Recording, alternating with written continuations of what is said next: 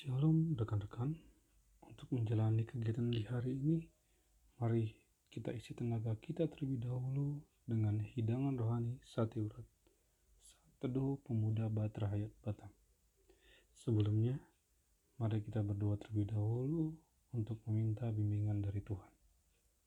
Ya Bapa yang bertatah di dalam kerajaan surga, segala puji dan syukur kami panjatkan kehadiratmu ya Bapak Terima kasih atas penyertaan-Mu kepada kami hingga saat ini. Bapa, saat ini kami akan bersatu teduh. Kiranya Engkau bimbing dan sertai kami dalam pembacaan Alkitab maupun renungan dari Sabda Bina Pemuda, sehingga kami dapat mengerti dan memahami tentang firman-Mu. Terima kasih Bapa, dalam nama Tuhan Yesus Kristus kami berdoa. Amin. Rekan-rekan, Mari kita buka kitab kita dari Yeremia 8 ayat yang keempat hingga yang ke-17.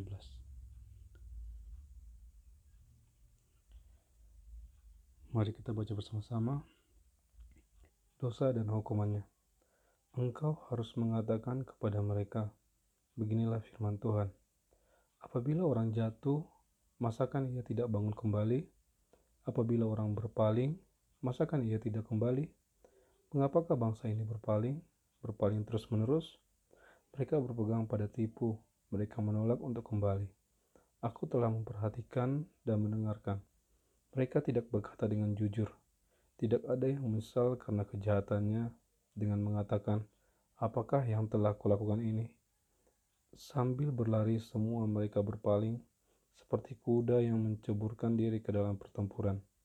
Bahkan burung ranggung di udara mengetahui musimnya burung tekukur, burung layang-layang, dan burung bangau berpegang pada waktu kembalinya. Tetapi umatku tidak mengetahui hukum Tuhan. Bagaimanakah kamu berani berkata, kami bijaksana, dan kami mempunyai Taurat Tuhan?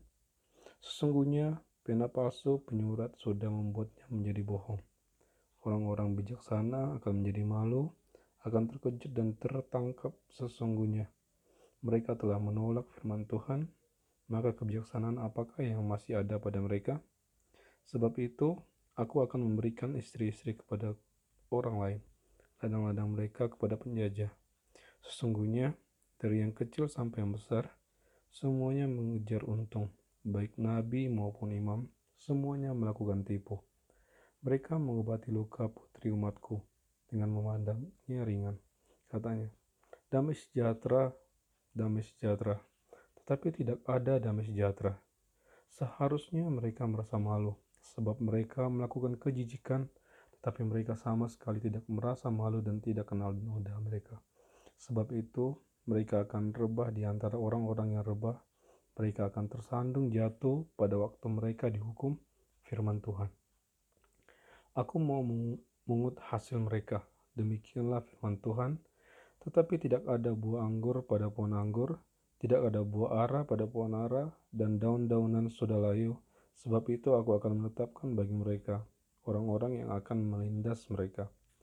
Mengapakah kita duduk-duduk saja? Berkumpullah dan marilah kita pergi ke kota-kota yang berkubu dan binasa di sana. Sebab Tuhan Allah kita membinasakan kita, memberi kita minum racun sebab kita telah berdosa kepada Tuhan. Kita mengharapkan damai, tetapi tidak datang sesuatu yang baik, mengharapkan waktu kesembuhan tetapi tidak ada yang tidak hanya kengerian. Dengan kuda musuh terdengar dari dan, karena bunyi ringkik kuda jantan mereka, gemetarlah seluruh negeri. Mereka datang dan memakan habis negeri dengan isinya, kota dengan penduduknya. Lihatlah, aku melepaskan ke antaramu ular-ular beludak yang tidak dapat dimeterai, yang akan memungut kamu, demikianlah firman Tuhan. Menu renungan kita pada hari ini adalah taatilah Tuhan.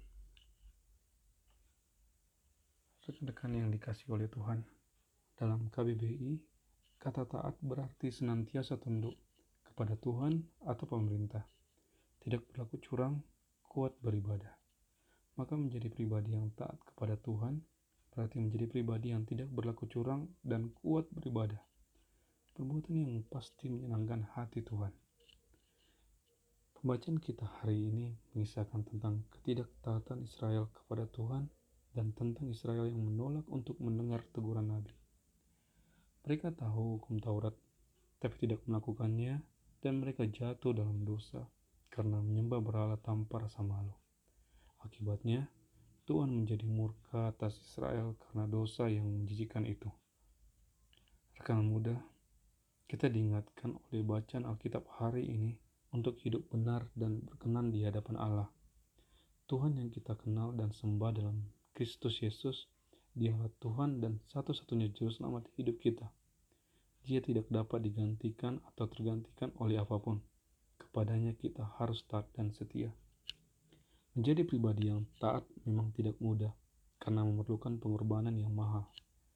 Merelakan kesenangan atau kesukaan masa muda, termasuk waktu dan bisa juga harta benda.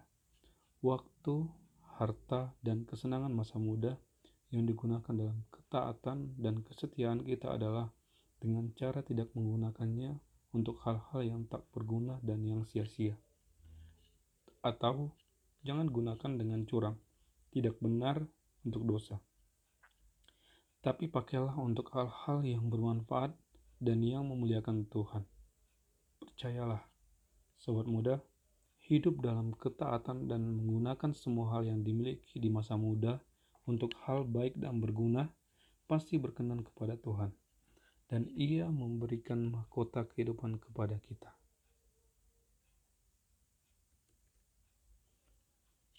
Rekan-rekan, mari kita tundukkan hati kita kembali ke dalam doa.